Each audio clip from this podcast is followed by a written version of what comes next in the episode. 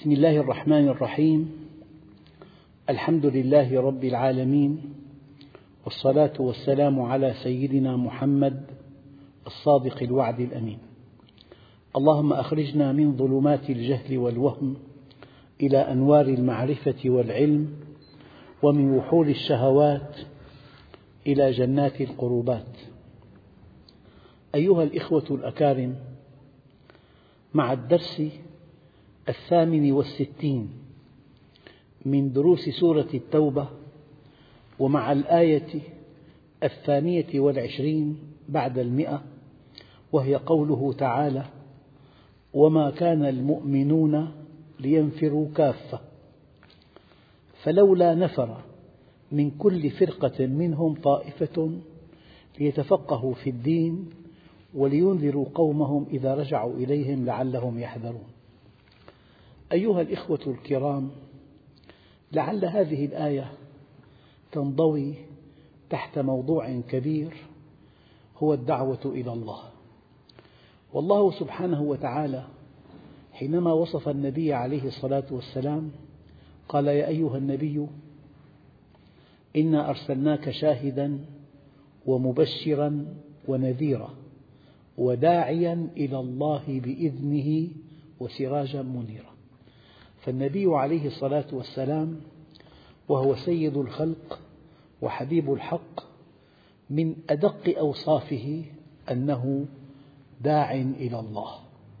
لذلك ليس من عمل أفضل عند الله على الإطلاق من الدعوة إلى الله. لأن الدعوة إلى الله تعرف الإنسان بحقيقة إنسانيته. تعرف الإنسان بأنه المخلوق الأول رتبة. تعرف الإنسان بأنه المخلوق المكرم. تعرف الإنسان بأنه المخلوق المكلف. تعرف الإنسان بأن حياته الدنيا ذات مهمة خطيرة جدا إنها العمل الصالح.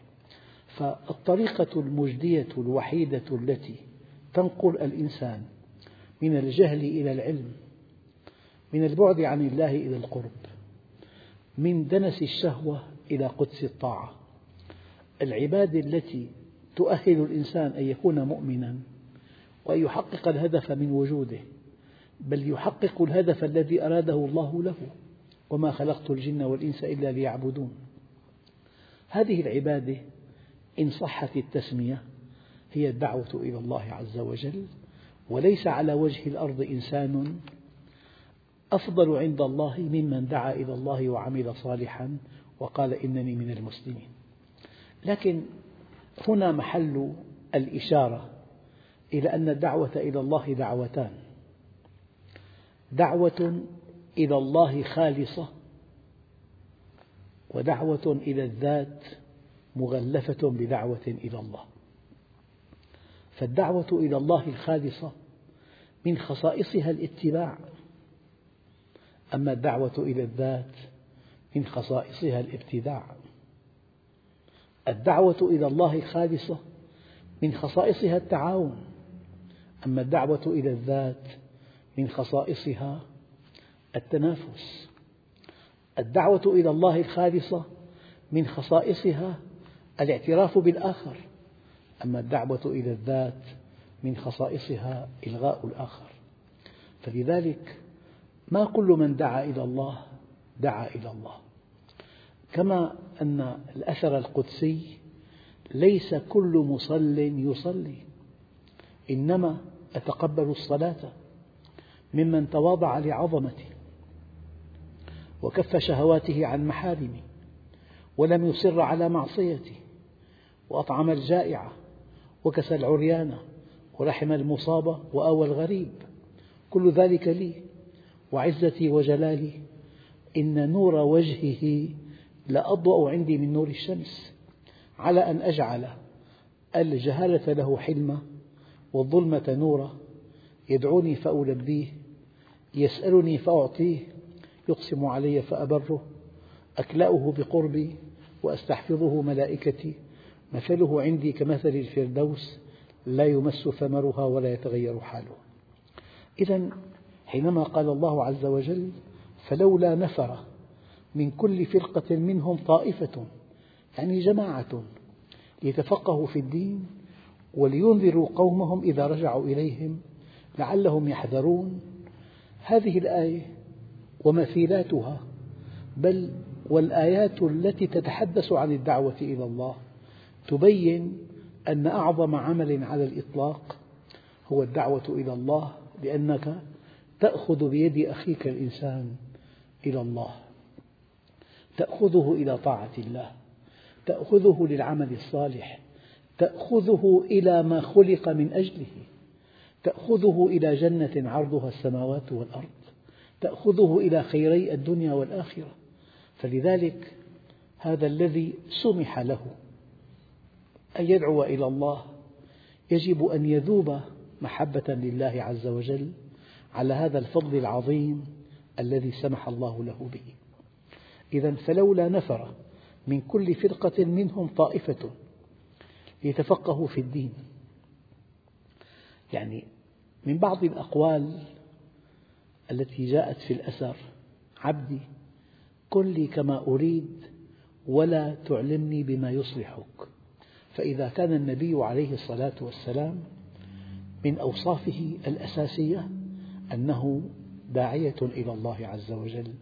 إذا حينما تقرأ قوله تعالى ومن أحسن قولا ممن دعا إلى الله وعمل صالحا وقال إنني من المسلمين وينبغي أن أؤكد على أنه إذا دعوت إلى الله بعلم الدعوة إلى الله تحتاج إلى علم مكين وتحتاج إلى إخلاص.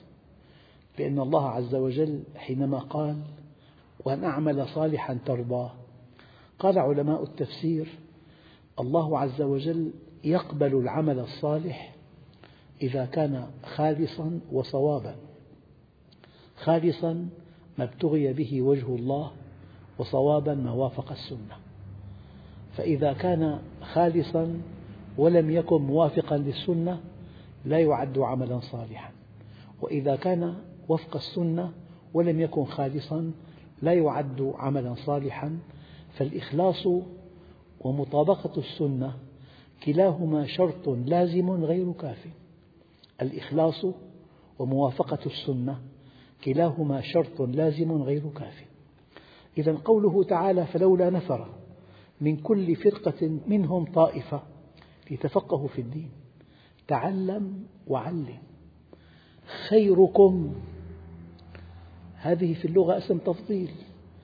خيركم على الإطلاق. من تعلم القرآن وعلمه. لأن هذا القرآن تعليمات الصانع. هذا القرآن فيه أسباب نجاحنا أسباب تألقنا أسباب سعادتنا أسباب حفظنا أسباب رقينا. إذا ما من عمل أعظم عند الله من الدعوة إلى الله بعلم وبإخلاص وبحكمة. ومن أحسن قولا ممن دعا إلى الله وعمل صالحا وقال إنني من المسلمين. طبعا قد يتوهم متوهم أن الداعي إلى الله يجب أن يكون خطيب مسجد حصرا أو له مكانة كبيرة. لا أي مؤمن على الإطلاق بأي حجم مكلف أن يدعو إلى الله. والنبي قال بلغوا عني ولو آية. أنت استمعت في خطبة الجمعة إلى تفسير آية تأثرت بها كثيرا. هذه الآية مع تفسيرها انقلها إلى زوجتك إلى أولادك إلى جيرانك إلى من حولك إلى إخوانك بلقاء خلال الأسبوع. هذا بلغ عني ولو آية. وهذا معنى قول الله عز وجل قل هذه سبيلي أدعو إلى الله على بصيرة. أنا ومن اتبعني. فالذي لا يدعو إلى الله أصلا هذا ليس متبعا لرسول الله. حتى أنه في بعض الأحاديث من لم يجاهد ولعلي أقصد هنا الآن الجهاد الدعوي ولم يحدث نفسه في الجهاد مات على ثرمة من النفاق. لا بد من أن تدعو إلى الله والآية الصريحة الدقيقة الواضحة والعصر إن الإنسان لفي خسر إلا الذين آمنوا وعملوا الصالحات وتواصوا بالحق. فالتواصي بالحق ربع النجاة بل أحد أركان النجاة. والآية الثانية قل هذه سبيلي أدعو إلى الله على بصيرة أنا ومن اتبعني. فلا بد من أن تكون متبعا لرسول الله. والدليل قل إن كنتم تحبون الله فاتبعوني يحببكم الله ويغفر لكم. فالآية هنا فلولا نفر من كل فرقة منهم طائفة ليتفقهوا في الدين. تعلم وعلم. تقرب وقرب. استبن وبين. فالمؤمن له نشاط. وهذا المؤمن الذي يبتعد عن الدعوة إلى الله يبتعد عن شيء أساسي في حياة كل مؤمن. بلغوا عني ولو آية. لأنه نقطة دقيقة جدا جدا.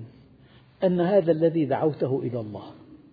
إذا استجاب لك والتزم الأمر والنهي وتألق عند الله أعماله كلها في صحيفتك. من دعاهم إلى الله أعمالهم كلها في صحيفتك أيها الأخ الداعية الأول. هذا إلى يوم القيامة. يعني التجارة مع الله مربحة كثيرا.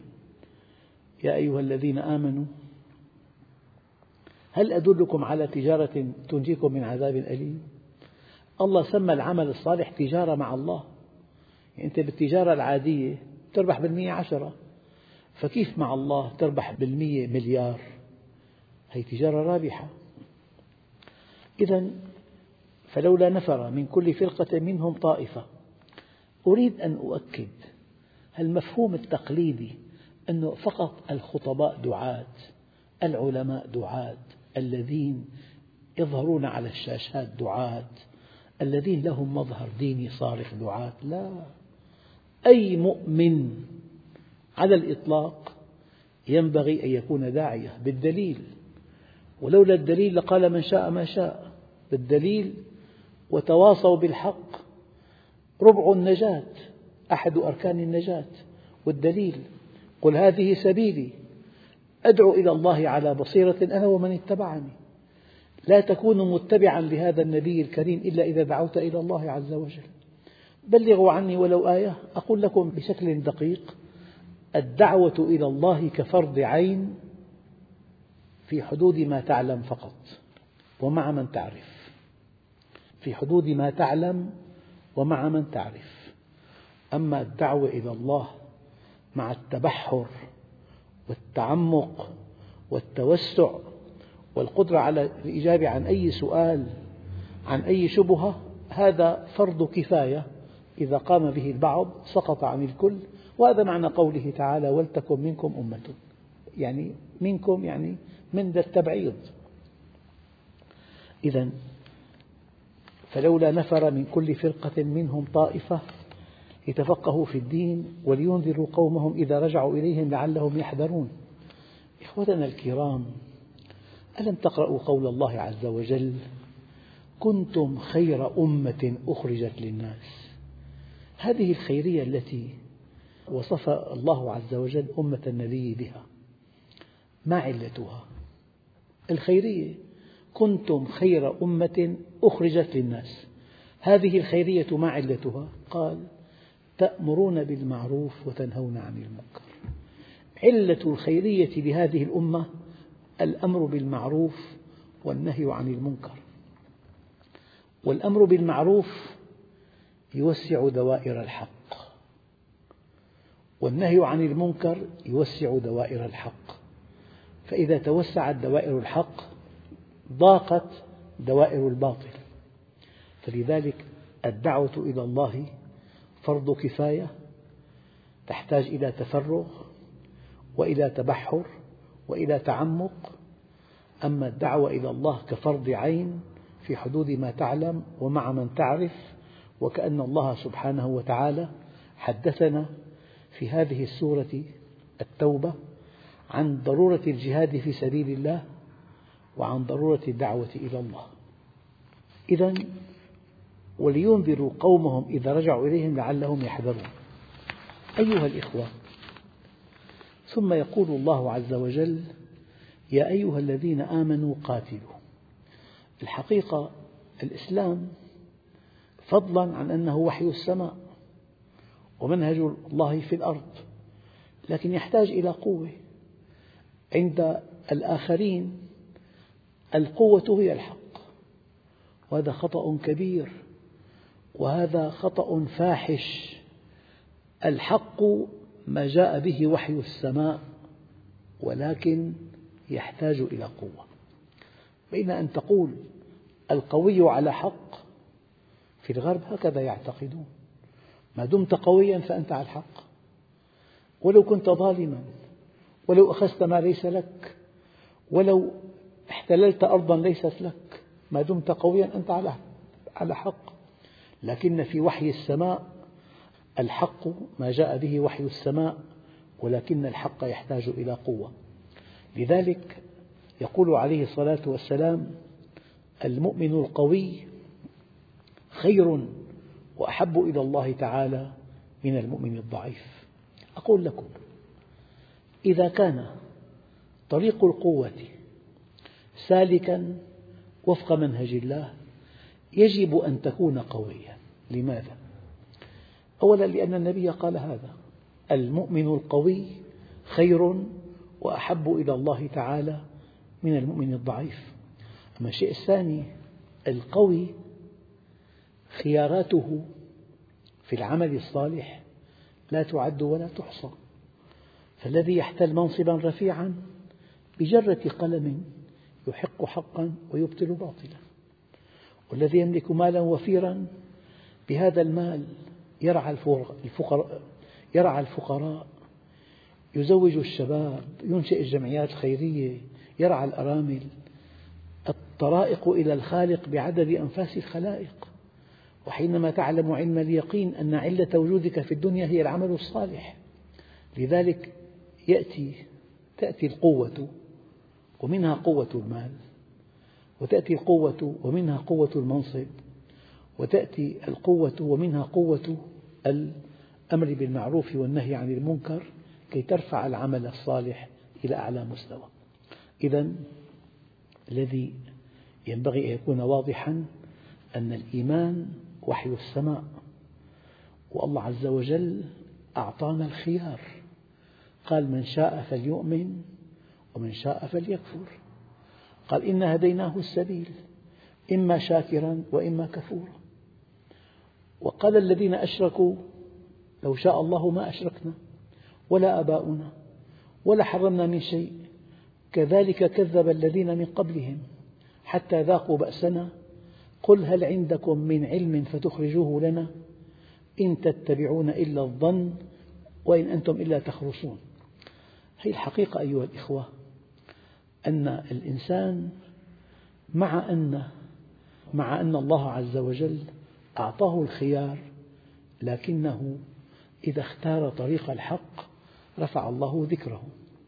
بل ألم يقل الله عز وجل ألم نشرح لك صدرك ووضعنا عنك وزرك الذي أنقض ظهرك ورفعنا لك ذكرك؟ قال بعض العلماء كل الصفات التي أثنى الله بها على نبيه الكريم لكل مؤمن منها نصيب بقدر إيمانه واستقامته وإخلاصه. إذا الحق مع أنه من عند الله لكن يحتاج إلى قوة. فإذا كان طريق الحق سالكا وفق منهج الله يجب أن تكون قويا لأن خيارات العمل الصالح المتاحة أمام القوي ليست متاحة أمام الضعيف. فالغني بماله والقوي بسلطته والثري بثرائه. فلذلك النقطة الدقيقة هنا أن العبادة كلف بها كل البشر لكن هناك ما يسمى بعبادة الهوية. أنت من؟ أنت غني؟ العبادة الأولى في إنفاق المال. أنت غني العبادة الأولى في إنفاق المال. أنت قوي العبادة الأولى في إحقاق الحق. أنت عالم العبادة الأولى في إلقاء العلم.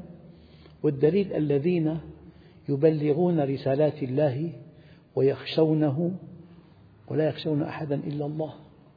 هذا الذي يدعو إلى الله. لو خشي غير الله فسكت عن الحق خوفا. أو نطق بالباطل نفاقا. انتهت دعوته دقيقة الآية. الذين يبلغون رسالات الله ويخشونه. ولا يخشون أحدا إلا الله. لو أن هذا الذي خشي غير الله سكت عن الحق خوفا من القوي أو نطق بالباطل نفاقا له. انتهت دعوته فكما أن الإنسان يرقى إذا أنفق ماله. هذه عبادة الغني الأولى. ويرقى إذا أنصف الضعيف. هذه عبادة القوي الأولى. الآن ويرقى بعلمه إذا أنفقه نطق به ولم يخش في الله لومة لائم هذا الذي يقوله الله عز وجل دائما ويخشونه ولا يخشون أحدا إلا الله. مرة ثانية لو خشي غير الله فسكت عن الحق خوفا أو تكلم بالباطل طمعا انتهت دعوته. يا أيها الذين آمنوا قاتلوا الذين يلونكم من الكفار. طبعا مرة ثانية لا إكراه في الدين. أما إذا منعك قوي أن تنقل هذا الدين للآخرين تقاتله.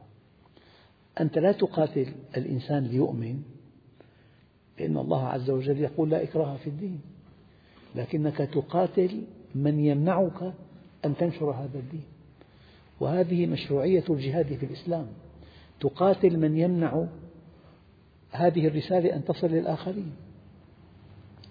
فالله عز وجل يقول يا أيها الذين آمنوا قاتلوا الذين يلونكم.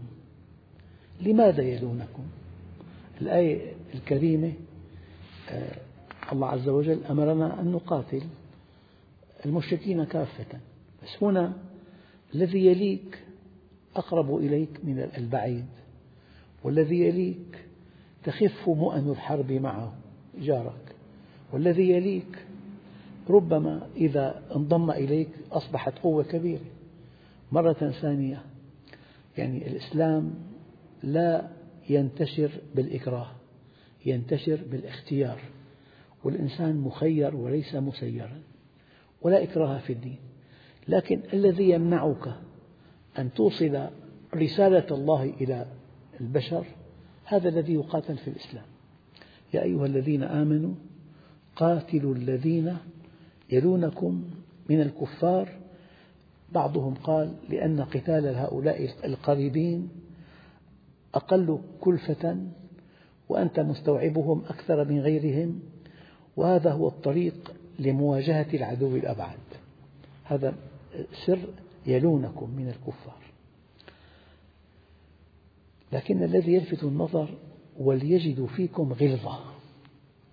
تقرأ أنت القرآن قال فإذا الذي بينك وبينه عداوة كأنه ولي حميم.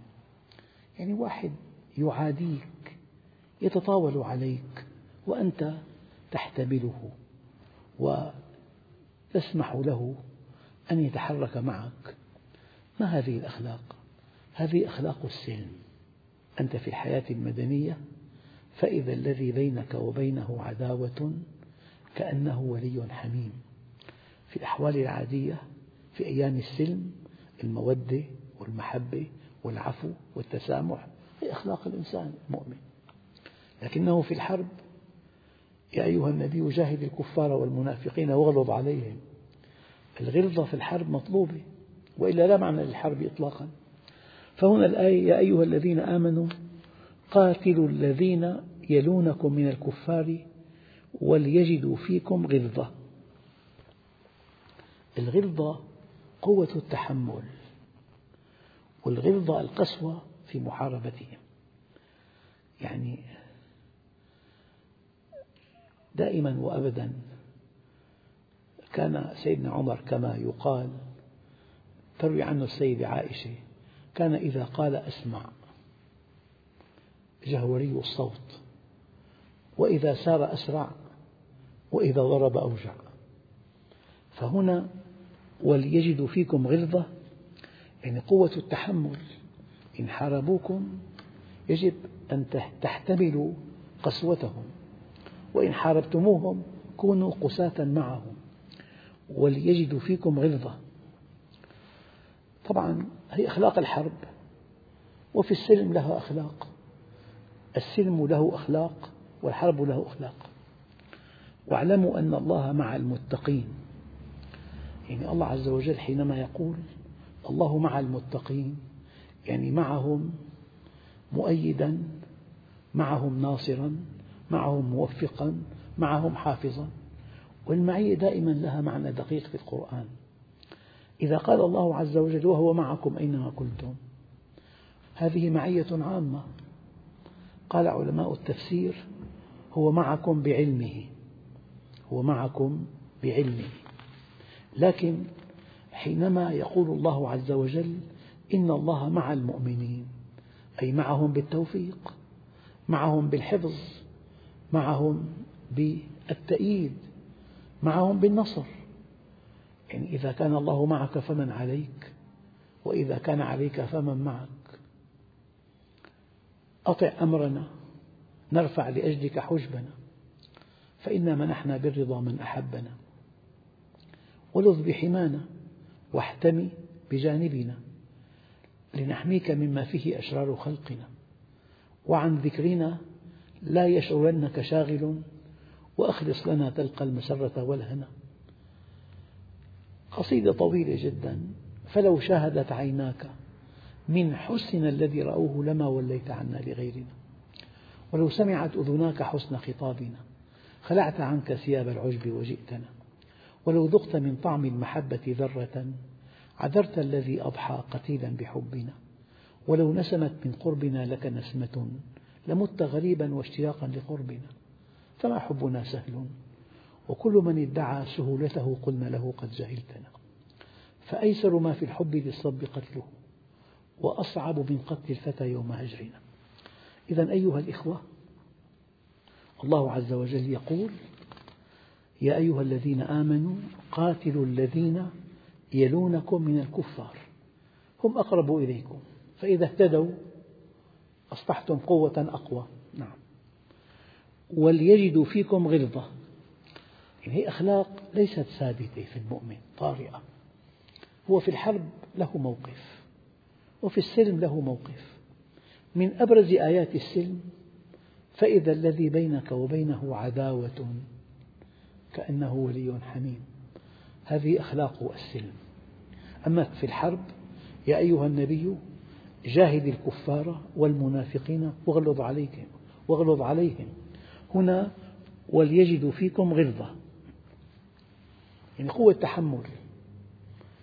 وحينما تهجمون عليهم لا بد من قوة رادعة. نعم. إذا هناك أخلاق الحرب وأخلاق السلم. واعلموا أن الله مع المتقين. وإذا كان الله معك فمن عليك. يعني كلمة مع المتقين معهم مؤيدا معهم ناصرا معهم موفقا معهم مكرما. أيها الإخوة الذي وقع في عالم الإسلام نحن حينما أضفنا على الدين ما ليس منه ظهرت الفرق والطوائف. وتشتتت الأمة. هذا الإسلام ينبغي أن نأخذه كله كما أنزل. فكل محدثة كما قال النبي بدعة وكل بدعة ضلالة. أنا أقول وهذا اجتهاد شخصي أنك إذا أضفت على الإسلام ما ليس منه تشردمنا وتفرقنا وتشتتنا وأصبحنا فرقا وطوائف. أما إذا حذفت منه ما عرف منه بالضرورة ضعفنا. نضيف نتفرق. تحذف نضعف فالذي يعني يفسر ضعف المسلمين أننا أضفنا على الدين ما ليس منه. هذا الدين لا يحتمل الإضافة لأنه من عند الله عز وجل. كماله مطلق. والله عز وجل قال وأطيعوا الله ورسوله. وأولي الأمر منكم من هم أولو الأمر؟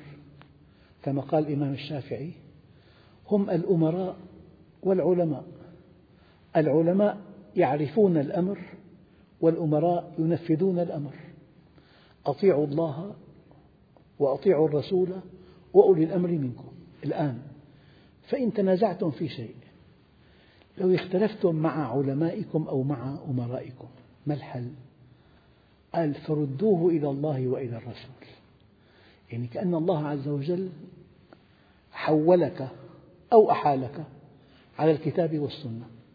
هل تصدق أو هل يعقل أن يحيلك الله لحل كل المشكلات إلى يوم الدين للأمة الإسلامية والعربية؟ أن يحيلك الله على الكتاب والسنة ثم لا تجد في الكتاب والسنة حلا لهذه المشكلات؟ مستحيل. اليوم أكملت لكم دينكم وأتممت عليكم نعمتي. قال العلماء التمام عددي والكمال نوعي يعني عدد القضايا التي عالجها الإسلام تام عددا وطريقة المعالجة كاملة نوعا. اليوم أكملت لكم دينكم وأتممت عليكم نعمتي. فالإكمال نوعي والإتمام عددي. يعني عدد القضايا التي عالجها الإسلام تام عددا.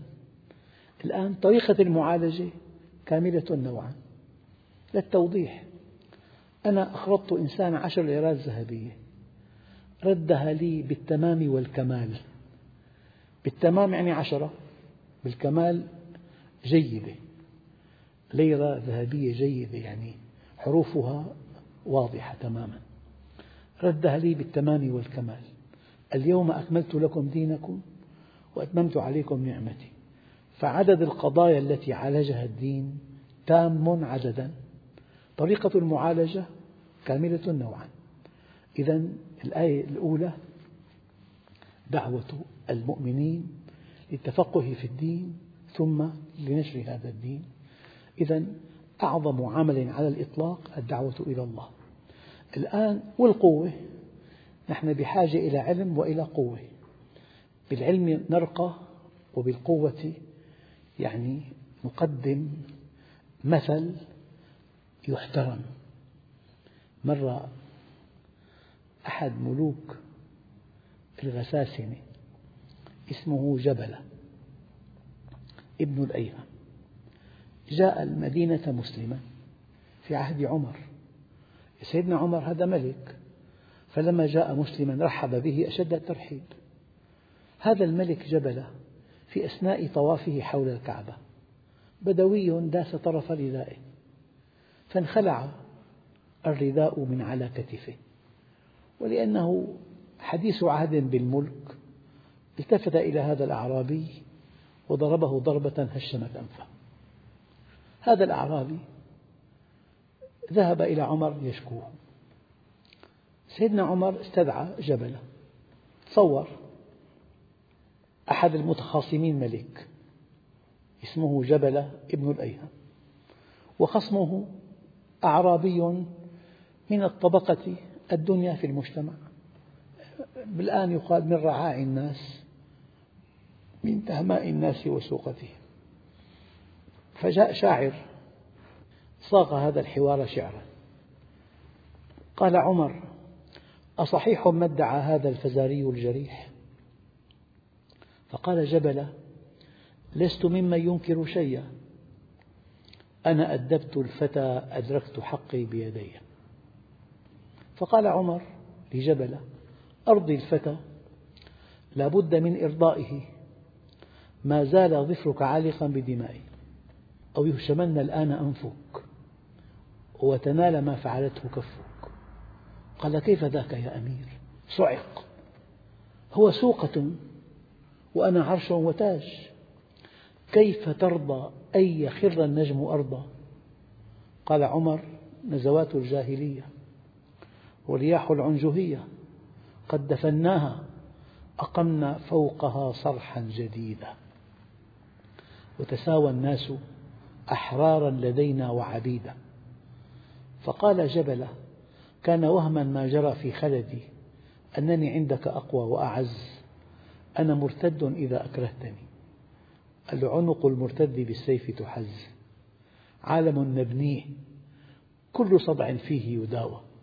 وأعز الناس بالعبد بالصعلوك تساوى. هذا هو الإسلام. في تساوي. إذا الله عز وجل يقول يا أيها الذين آمنوا قاتلوا الذين يلونكم من الكفار. الإسلام لا ينتشر بالسيف حقيقة مطلقة لكن الذي يمنعك أن تنشره يجب أن تحاربه فقط. فإذا سمح لك انتهى الأمر. يا أيها الذين آمنوا قاتلوا الذين يلونكم. قتالهم أقل كلفة. وأنت أعلم بهم من غيرهم. وإذا آمنوا معك توسعت حدود المملكة الإسلامية.